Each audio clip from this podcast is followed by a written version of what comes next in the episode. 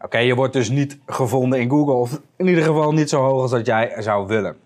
Kijk je naar jouw posities in Google, dan heeft Google tijd nodig voordat jij een bepaalde positie verdient. Is jouw website al een paar maanden oud of misschien wel een paar jaar en merk je dat je toch niet goed gevonden wordt? Of doe je hartstikke hard je best en zie je totaal geen verschil? Of merk je juist dat je eerst goed stond en nu ineens gezakt bent? Bekijk dan deze woensdag gemaktig aflevering, want ik doorloop vijf belangrijke thema's, vijf kernpunten, waarbij als je dit niet goed doet, ik je nu al op een briefje kan geven dat dat de storende factor is van jouw positie in Google. Waarom zou je dus eigenlijk niet goed gevonden worden in Google? Nou, er zijn talloze Google-updates doorgevoerd en dat blijft Google ook doen. Als je vaker van dit soort woensdag gemakkelijk afleveringen hebt bekeken, dan heb je al heel wat updates voorbij zien komen. Mocht je dit dus ook interessant vinden, dan raad ik je ook aan om op de hoogte te blijven en je te abonneren op de woensdag gemakdag, zodat je geen enkele aflevering meer mist. Een van de grootste factoren die bepalend zijn voor jouw positie, is dus eigenlijk de content. Dus wat plaats je op de website. Grote kans dan ook dat als jij SEO op de verkeerde manier hebt gedaan, dat het veel te maken zal hebben met je content. Nou, een van de grotere factoren die Google ook bekijkt is duplicate content. En die duplicate content, daar kun je eh, handig achterhalen via een tool van Siteliner.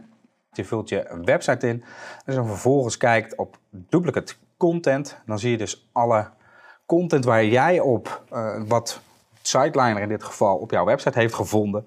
En vervolgens een bepaald percentage.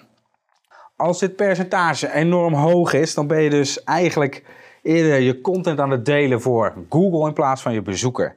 Hoe werkt dat bijvoorbeeld? Stel, ik wil, heb één artikel geschreven, uh, online marketingbureau, en ik plaats er vervolgens 10, 20 of 30 van op een pagina op mijn website. Online marketingbureau Tiel, online marketingbureau Utrecht, internetmarketingbureau Den Haag, etc.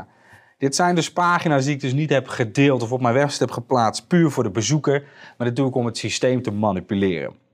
Door dit goed te achterhalen via bijvoorbeeld een tool als Sideliner. Nou, als je zelf je SEO hebt gedaan, dan weet je natuurlijk al van...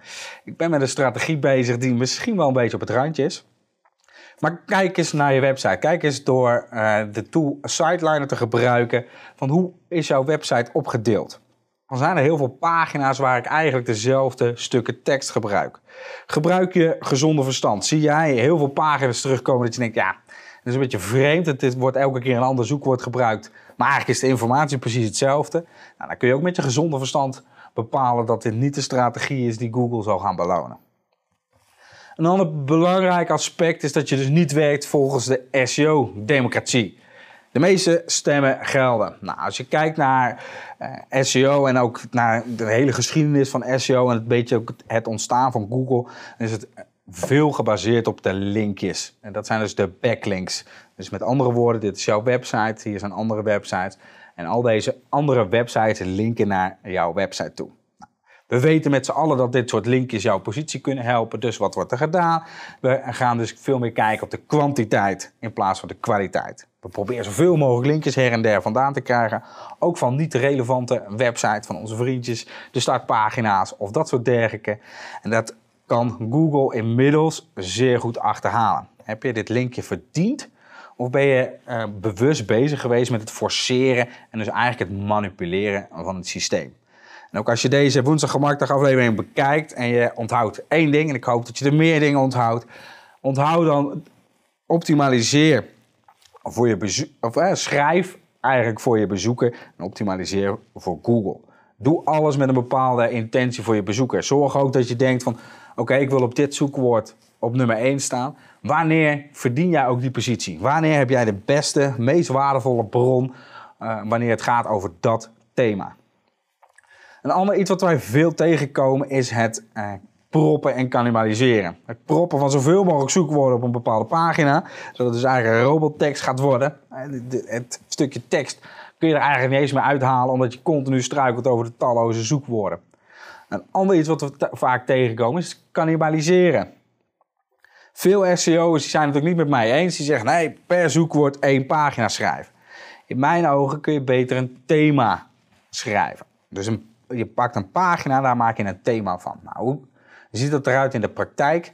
Stel, ik heb hier een uh, artikel, meerdere artikelen. Ik heb hier mijn zoekwoord ingevuld. Webtekst schrijven, site, dubbele punt, imgemak.nl. Ik vraag dan eigenlijk aan Google, van Google geef mij eens alle pagina's op mijn website die te maken hebben met in dit geval webteksten schrijven of webtekst schrijven. Dan zie je dat ik dus ook meerdere pagina's heb die daarmee in verband gebracht worden. Wat mij al heel snel opvalt is dat ik hier twee artikelen heb. Webteksten schrijven SEO en webteksten schrijven. Dit zijn eigenlijk twee vergelijkbare artikelen die dus eigenlijk meedingen op hetzelfde zoekwoord. En in mijn ogen kun je beter die artikelen dus gaan combineren. Achterhaal via een zoekwoordentool. Bekijk ook de andere afleveringen hoe je achter verborgen posities komt. En achterhaal dan welk artikel, dus welke pagina de beste positie heeft. In dit geval op het zoekwoord webtekst schrijven. Pak dat als basisartikel en kijk dan naar andere relevante pagina's die daarmee in verband worden gebracht. En kijk of dat je een combinatie kunt maken.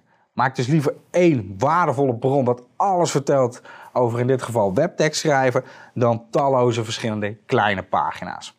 Doe je dit niet en ding je dus met 10, 20, 30 pagina's op hetzelfde zoekwoord, dan heb je, is de kans zeer groot dat je heel eventjes in Google staat met meerdere pagina's, dus met meerdere posities ook. En vervolgens dat alle andere pagina's gaan zakken.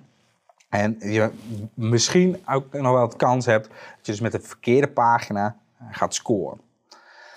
Een ander iets waar je eigenlijk heel makkelijk mee kunt gaan scoren, is het stukje het gratis adverteren in Google. Iedereen mag gratis adverteren in Google, alleen men doet het niet. Nou, wanneer kun je nu gratis adverteren in Google? Wanneer je betaalt voor je advertentie, dus betaalt voor Google, dan kun je de titel en de tekst aanpassen. Maar deze mogelijkheid heb je ook wanneer je in de gratis resultaten staat.